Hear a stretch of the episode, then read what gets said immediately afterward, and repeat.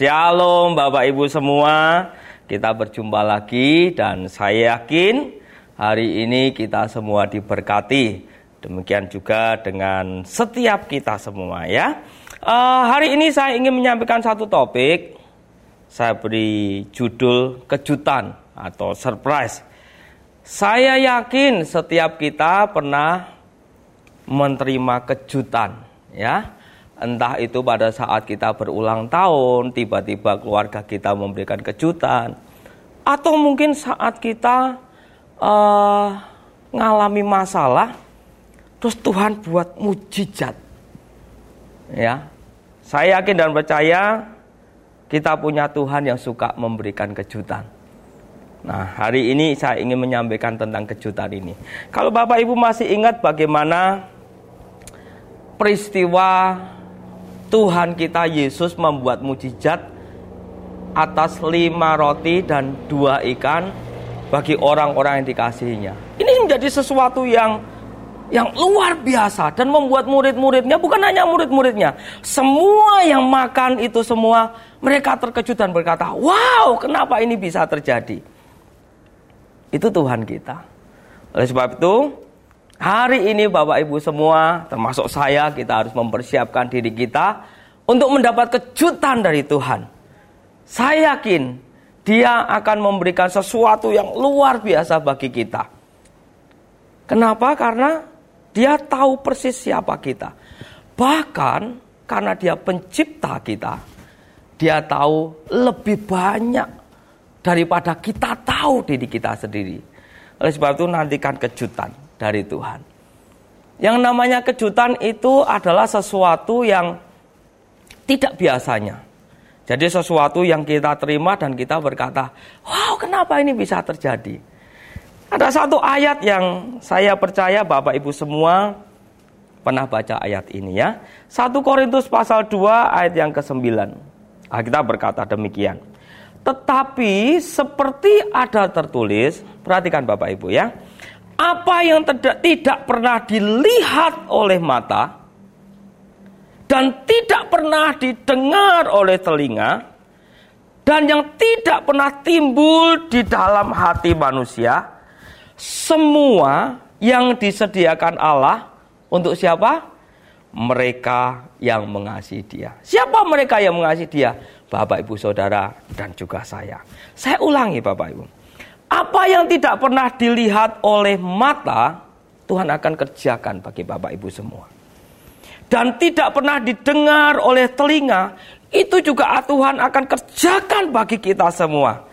Dan yang tidak pernah timbul di dalam hati manusia, nggak pernah tahu, tiba-tiba Tuhan buat surprise. Itu yang Tuhan kerjakan atas hidup kita. Dia suka memberi kejutan karena dia mengasihi kita. Dia tahu persis cara memberi kejutan setiap kita. Saudara semua, setiap kita. Tuhan tahu caranya, ya. Bapak Ibu ingat bagaimana murid-murid Yesus diperlengkapi dengan kuasa membuat mujizat. Orang yang sakit disembuhkan. Dan waktu mereka melakukan itu, mereka terkejut. Wow, ini kejutan, saudara. Ini juga yang akan terjadi atas Bapak, Ibu, Saudara, dan saya pribadi. Hari ini kita pasti akan diberkati. Hari ini nantikan kejutan yang dari Tuhan. Ada satu ayat lagi saya mau bacakan untuk Bapak Ibu semua. Efesus pasal 3 ayat yang ke-20. Bagi dialah yang dapat melakukan jauh lebih banyak daripada yang kita doakan atau pikirkan seperti yang ternyata dari kuasa yang bekerja di dalam kita. Ini yang Tuhan mau kerjakan bagi saudara semua dan juga saya dia akan melakukan jauh lebih banyak daripada yang kita doakan, saudara. Dan yang kita pikirkan. Ini luar biasa. Tapi ada satu kejutan yang mestinya ini kita rindukan dari Tuhan. Lukas pasal 24 ayat 30 sampai yang ke-31. Ini kejutan yang mestinya kita rindukan terjadi atas Bapak Ibu Saudara dan juga saya. Kita berkata demikian, waktu ia duduk makan dengan mereka, ia Yesus mengambil roti, mengucap berkat, lalu memecah-mecahkannya dan memberikannya kepada mereka. Ayat 31.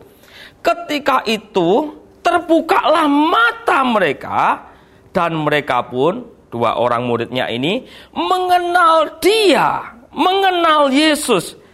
Tetapi ia lenyap dari tengah-tengah mereka.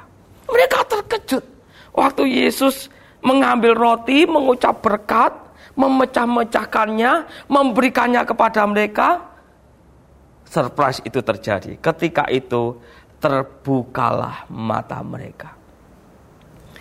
Saya berdoa untuk kita semua, Bapak Ibu yang dikasih oleh Tuhan. Biar hari ini kejutan kita mengenal Dia makin hari makin dalam itu terjadi atas hidup kita. Tuhan Yesus memberkati.